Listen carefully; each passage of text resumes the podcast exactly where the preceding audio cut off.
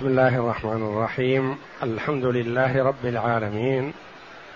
والصلاة والسلام على نبينا محمد وعلى آله وصحبه أجمعين. وبعد. بسم الله أعوذ بالله من الشيطان الرجيم. ولا تؤتوا السفهاء أموالكم التي جعل الله لكم قياما وارزقوهم فيها. وارزقوهم فيها واكسوهم وقولوا لهم قولا معروفا. حسبك. هذه الآية الكريمة هي الآية الخامسة من سورة النساء. جاءت بعد قوله جل وعلا وآتوا النساء صدقاتهن نحلة. فإن طبن لكم عن شيء منه نفسا فكلوه هنيئا مريئا. ولا تؤتوا السفهاء أموالكم الآية. الخطاب في هذه الآية الكريمة لأولياء لأولياء اليتامى وقيل لغيرهم. والمراد بالسفهاء هنا السفيه هو من لا يحسن التصرف في المال. يقال سفيه في التصرف وإن كان ثقة في الأمانة والعدالة والديانة لكنه لا يحسن التصرف في ماله. وعدم إحسان التصرف يتأتى إما لكبر أو صغر أو جنون أو ضعف عقل.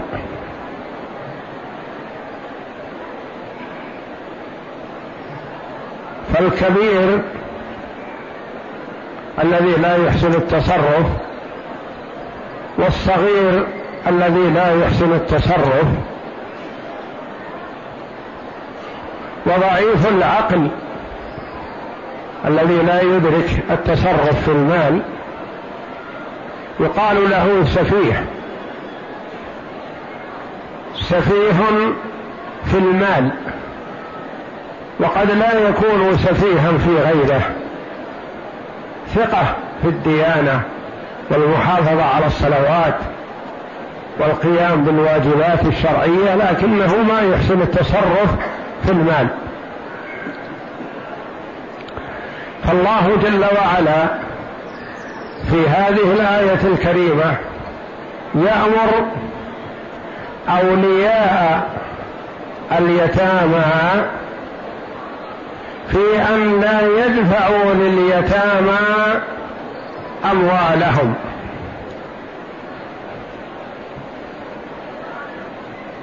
وهنا قد يوجد إشكال في قوله جل وعلا ولا تؤتوا السفهاء أموالكم التي جعل الله لكم قياما. قيل يصح أن يكون المراد الأولياء أولياء اليتامى. وفي قوله وفي قوله أموالكم نسبها إليهم لأنها في ولايتهم وهم الذين يتصرفون فيها. والمفروض أنها تكون عندهم مثل أموالهم.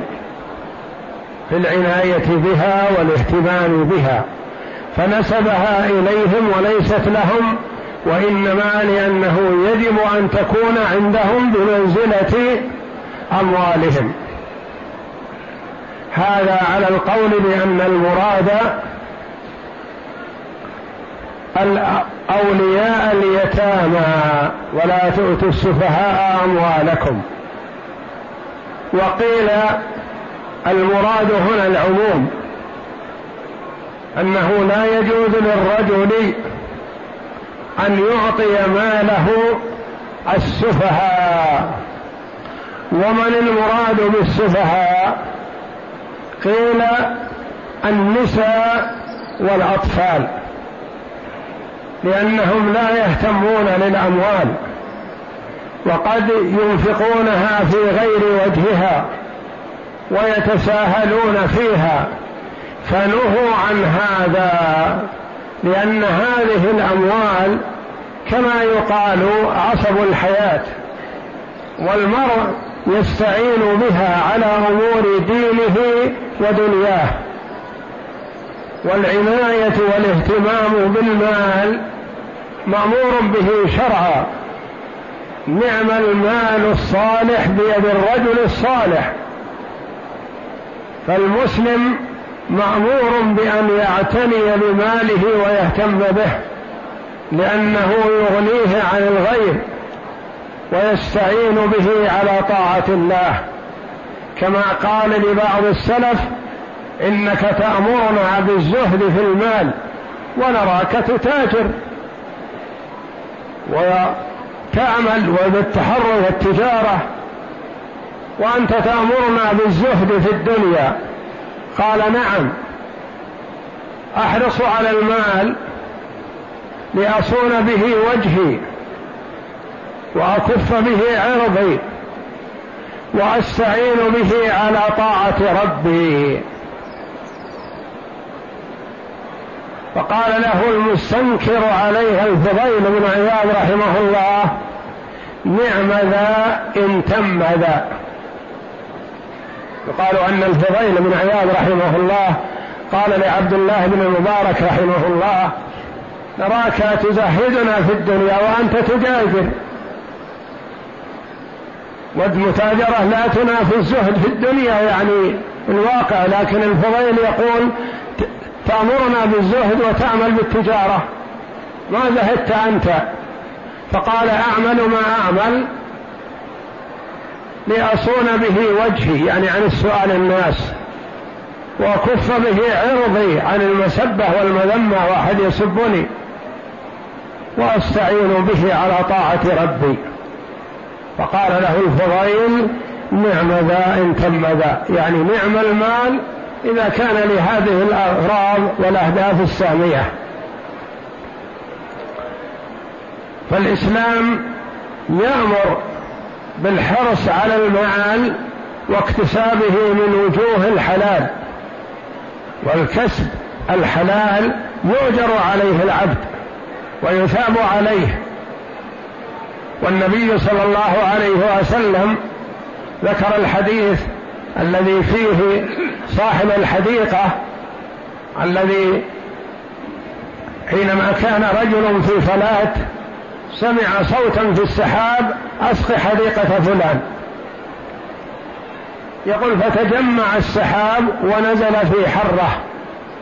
فإذا شرجة من الشراج قد استوعبت الماء هذا كله. ما ذهب منه شيء يمين ولا شمال. يقول فتتبعت. فإذا رجل قائم بمسحاته يوجه الماء. هذا الذي جاءه مع الساقي.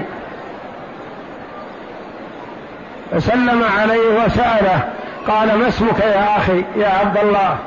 قال اسمي فلان. للاسم الذي سمع في السحاب. فقال يا أخي ومن أنت؟ ولم تسأل عن اسمي؟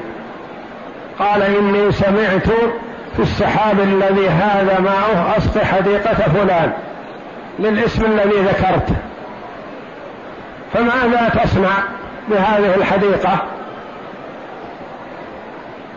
ماذا تصنع فيها وناتجها قال ما دام الأمر كما ذكرت يعني فما يسعني أن أخفي عليك. ما دام أنك ذكرت كذا فأنا أنظر إلى ما يخرج منها. فاكل ثلثه وأتصدق بثلثه وأرد عليها ثلثه. الشاهد عندنا الآن وأرد عليها ثلثه يعني يصلحها في ثلث ناتجها. فهيأ الله له هذه السحابة تسقي حديقته وحده دون غيره.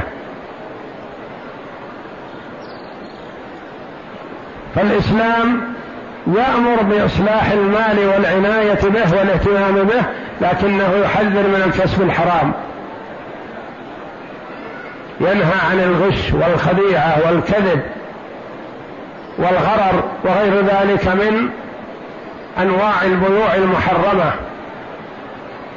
يقول صلى الله عليه وسلم البيعان بالخيار ما لم يتفرقا فإن صدقا وبينا بورك لهما في بيعهما وإن كذبا وكتما محقت بركة بيعهما. فالبيع والشراء والكسب الحلال مأمور به شرعا. فهذا نهي لأصحاب الأموال أن يسلموا أموالهم إلى من يحسن التصرف فيها. فروي عن ابن عباس وعن ابن مسعود رضي الله عنهم قالوا النساء والصبيان ما يعطون المال وإنما ينفق عليهم منه. ولا تؤتوا السفهاء أموالكم. هذه إذا كان المراد بالخطاب لأصحاب الأموال فهي أموالهم حقيقة. ولا تؤتوا السفهاء أموالكم التي جعل الله لكم قياما. جعلها الله جل وعلا تقوم بشؤونكم. النفقه وما تحتاجون إليه. والجهاد في سبيل الله. والإنفاق في مرضاه الله. وصلة الرحم وغير ذلك من الأمور. التي جعل الله لكم قياما وارزقوهم فيها واكسوهم وقولوا لهم قولا معروفا. من بلاغة القرآن الكريم أنه يتأتى الخطاب لمجموعة وأصناف ولا خلل فيه. إذا كان الخطاب لأولياء اليتامى فالله جل وعلا يقول أنفقوا على اليتامى من أموالهم وأعطوهم منها. وليكن تكن النفقة فيها لا منها. وكيف هذا؟ لتكن النفقة فيها لا منها. فإذا قلنا منها يعني من رأس المال. عندك لليتيم ألف أنفقت عليه مئة صارت تسعمائة أنفقت عليه مئة صارت ثمانمائة أنفقت عليه مئة صارت سبعمائة ربما لا يبلغ إلا وقد نفد أو قبل أن يبلغ ينفد المال. هذا منها. ولم يقل جل وعلا منها وإنما قال فيها. يعني يكون الإنفاق فيها وكأنها والله أعلم باقية على رأس مالها على المبلغ. اتجر فيها أيها الولي وتكسب وأنفق. أنفق فيها يعني لا تنقصها وإنما أنفق فيها. وارزقوهم فيها واكسوهم. يعني ما يحتاجون إليه من نفقة وكسوة وما يحتاجه من وسائل التعليم والتفقيه والتأديب وغير ذلك من الأمور التي تعود إليه بالمصلحة. وهذا تحديد للإنفاق على اليتيم أنك لا تنفق عليه إلا شيء يعود إليه بالمصلحة. احذر التبذير ولا تقل هذا اليتيم غني وله مال كثير تسرف في الإنفاق عليه لا. فيما يحتاج إليه وما يستفيد منه وما لا يستفيد منه احفظه له. وقولوا لهم قولا معروفا. شجع اليتيم. ولا تهنه ولا تحتقره تقول له أبشر بالخير عندي لك مال ومحفوظ وإن شاء الله بعد ما تكبر وترشد اسلمك مالك. عندك خير كثير. خلف لك أبوك خلفت لك أمك خلف لك أخوك وهكذا مال كثير وفيه خير. وأنا أعطيك بقدر الحاجة لاحفظه لك وليس قصدي التقتير عليك والشح عليك المال مالك. وهكذا. وقولوا لهم قولا معروفا يعني حسن يطيب خاطره. لا يستشعر أنك تقتر عليه أو تشح عليه بماله يقول فلان يشح علي وهذا مالي. وضح له بأنك تحفظ ماله له وقولوا له قولا معروفا. وعلى القول الآخر أن المراد والله أعلم ولا تؤتوا السفهاء أموالكم أموالكم التي لكم. لا تعطوها السفهاء لا تعطوها الأولاد الصغار ولا تعطوها النساء اللاتي لا يهتممن بالمال وتنميته. وارزقوهم فيها واكسوهم. اكسوا من تعولون وانفقوا عليهم بقدر حاجتهم. لا تقتروا عليهم وتكلموا معهم بالكلام الحسن. قل لأولادك وأهل بيتك أنا حافظ لكم المال مالكم. ما أحب أن أضيعه عليكم المال لكم وأنا ما إنما أنا حافظ. سنوات الله أعلم بها وتستلمون مالكم يستشعرون أن ما بيدك لهم وأنك وإياهم سواء ولست أنت تشح عليهم أو تمن عليهم أو نحو ذلك. وارزقوهم فيها واكسوهم وقولوا لهم قولا معروفا. يعني حتى ما يقولوا إن والدنا يقتر علينا. إذا قلت لهم المال مالكم وأنا حافظ له يوشك أن يصير إليكم. فأحفظه حتى أسلمه لكم موفورا بإذن الله بدون تبذير وبدون شح. وارزقوهم فيها واكسوهم وقولوا لهم قولا معروفا. وإذا كان الإنسان مأمور بأن يقول القول المعروف مع أهله وأولاده فالأبعدون أولى بهذا في حسن المعاملة. ما دام أنه مأمور بإحسان المعاملة مع أولاده الصغار فليحسن المعاملة مع الكبار.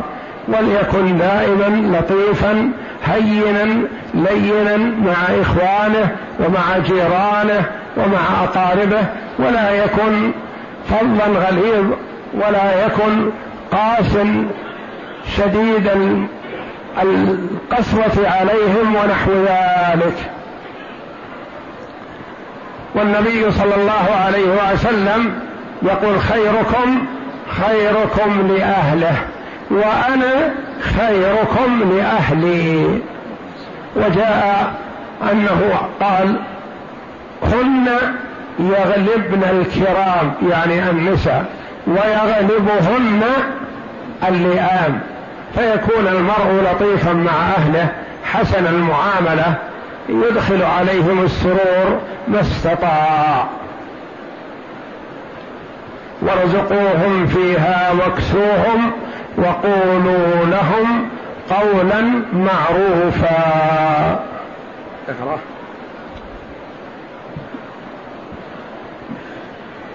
ينهى سبحانه وتعالى عن تمكين السفهاء من التصرف في الأموال التي جعلها الله للناس قياما أي تقوم بها معايشهم من التجارات وغيرها. ومنها ومن هذه الآية وغيرها يؤخذ مشروعية الحجر على السفيه يعني منعه من التصرف لأن الله قال ولا تؤتوا السفهاء أموالكم. يمنع من التصرف ثم إن الحجر أحيانا يكون لمصلحته وأحيانا يكون لمصلحة غيره.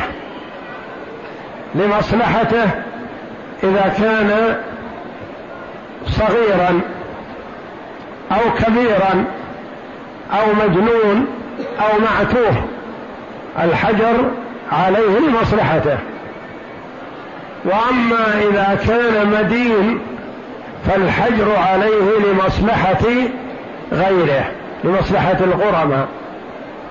إذا كان عليه ديون وعنده أموال وأمواله لا تفي بديونه وطلب أصحاب الحقوق من الحاكم الحجر عليه فإنه يحجر عليه يعني يمنعه من التصرف حتى يصفى ما بيده من المال ويسدد للغرماء حقوقهم. نعم. ومنها هنا يؤخذ الحجر على السفهاء وهم أقسام فتارة يكون الحجر للصغر. فإن الصغير مسلوب العبارة وتارة يكون الحجر للجنون وتارة لسوء التصرف لنقص العقل أو الدين وتارة للفلس وهو ما إذا أحاطت الديون برجل وضاق ماله عن وفائها فإذا سأل الغرماء الحاكم الحجر علي الحجر عليه حجر عليه. وقال ابن عباس رضي الله عنهما في قوله تعالى ولا تؤتوا السفهاء أموالكم. قال هم بنوك والنساء. وقال الضحاك رحمه الله هم النساء والصبيان. وقال سعيد بن جبير هم اليتامى. وقال مجاهد وعكرمة هم النساء. وقال ابن أبي حاتم عن أبي أمامة قال قال رسول الله صلى الله عليه وسلم إن النساء سفهاء إلا التي أطاعت قيمها. وقوله وارزقوهم فيها واكسوهم وقولوا لهم قولا معروفا. قال ابن عباس رضي الله عنهما لا تعمد إلى مالك وما خولك الله وجعله لك معيشة فتعطيه امرأتك أو بنتك ثم تنظر إلى ما في أيديهم ولكن أمسك مالك وأصلحه. وكن يؤخذ من هذا أنه لا ينبغي للإنسان أن يقسم ماله بين ورثته في حال حياته وإنما يبقي ماله بيده ويتصرف فيه. وإذا انتقل إلى الدار الآخرة فالله جل وعلا تولى صرفه وقسمته بذاته. لم يكل جل وعلا قسمة المواريث إلى ملك مقرب ولا إلى نبي مرسل. بل تولى ذلك بذاته في قوله تعالى يوصيكم الله في أولادكم والآية بعدها وما جاء في آخر سورة النساء فهو جل وعلا قسم الميراث بنفسه سبحانه. فما ينبغي للإنسان أن يقسم ماله ويبقى وليس بيده شيء. نعم. وكن أنت الذي تنفق عليهم من كسوتهم ومؤونتهم ورزقهم. وقال ابن جرير رحمه الله عن أبي موسى رضي الله عنه قال ثلاثة يدعون الله فلا يستجيب لهم. رجل له امرأة سيئة الخلق فلم يطلقها. وكانت سيئة الخلق يعني عندها إساءة في خلقها لأن الطلاق الطلاق تتأتى فيه الأحكام الخمسة. الوجوب أحيانا والاستحباب أحيانا والإباحة أحيانا والحرمة أحيانا والكراهية أحيانا. كلها الخمسة تتأتى يكون واجب ويكون محرم ويكون مستحب ويكون مكروه. ويكون مباح. فإذا كان الرجل عنده امرأة سيئة الخلق خلقها سيء فيستحب له طلاقها حينئذ. ما تصلح للإمساك ما يصلح أن يمسكها. إنها سيئة الخلق وتستطيع أن تحسن من خلقها وأن تتأدب. فيستحب طلاقها وأحيانا يجب الطلاق وإذا لم يطلق طلق عنه الحاكم. إذا آل ألا يجامع زوجته ثم مضى فترة فإنه يوقف ويقال له أنت بالخيار بين أمرين؟ إما أن تطلق وإما أن تطأ. فإن أبى أن يطأ وأبى أن يطلق طلق عنه الحاكم لأن الطلاق حينئذ يكون واجب. والطلاق في حال الحيض والنفاس محرم. والطلاق مع حسن العسرة. مكروه. والطلاق مع وجود المشاكل والقدرة على الصبر والتحمل مباح حينئذ. لا يقال إنه مستحب ولا يقال إنه مكروه وإنما يقال مستحب ومباح فالأحكام الخمسة الإيجاب والحرمة والكراهة والاستحباب والإباحة. خمسة أحكام تتأتى في الطلاق. ولذا جاء في هذا الحديث من كان عنده امرأة سيئة الخلق ولم يطلقها يقول ما يستجاب له دعاء. نعم. قال ثلاثة يدعون الله فلا يستجيب لهم. رجل له امرأة سيئة الخلق فلم يطلقها ورجل أعطى ماله سفيها. وقد قال تعالى ولا تؤتوا السفهاء أموالكم ورجل كان له على رجل دين فلم يشهد عليه. هؤلاء الثلاثة لأنهم أخطأوا. الذي صبر على المرأة سيئة الخلق والذي أعطى ماله للسفهاء يتصرفون فيه فيضيعونه والذي له دين على رجل ولم يحتط. بالكتابة والإشهاد ونحو ذلك يعني يكون هذا مفرط إذا لم يشهد عليه. إذا لم يشهد أو لم يكتب يكون مفرط لأن الرجل صاحب الحق قد يموت. فما يثبت حقك إلا بالشهود؟ أو قد ينسى. فما يثبت حقك إلا بالشهود؟ فإذا فرطت وضيعت فأنت مخطئ على نفسك. نعم. وقال مجاهد رحمه الله وقولوا في قوله تعالى وقولوا لهم قولا معروفا يعني في البر والصلة وهذه الآية الكريمة تضمنت الإحسان إلى العائلة في الكساوي والأرزاق بالكلام الطيب وتحسين الأخلاق. والله أعلم وصلى الله وسلم وبارك على عبده ورسول نبينا محمد وعلى آله وصحبه أجمعين.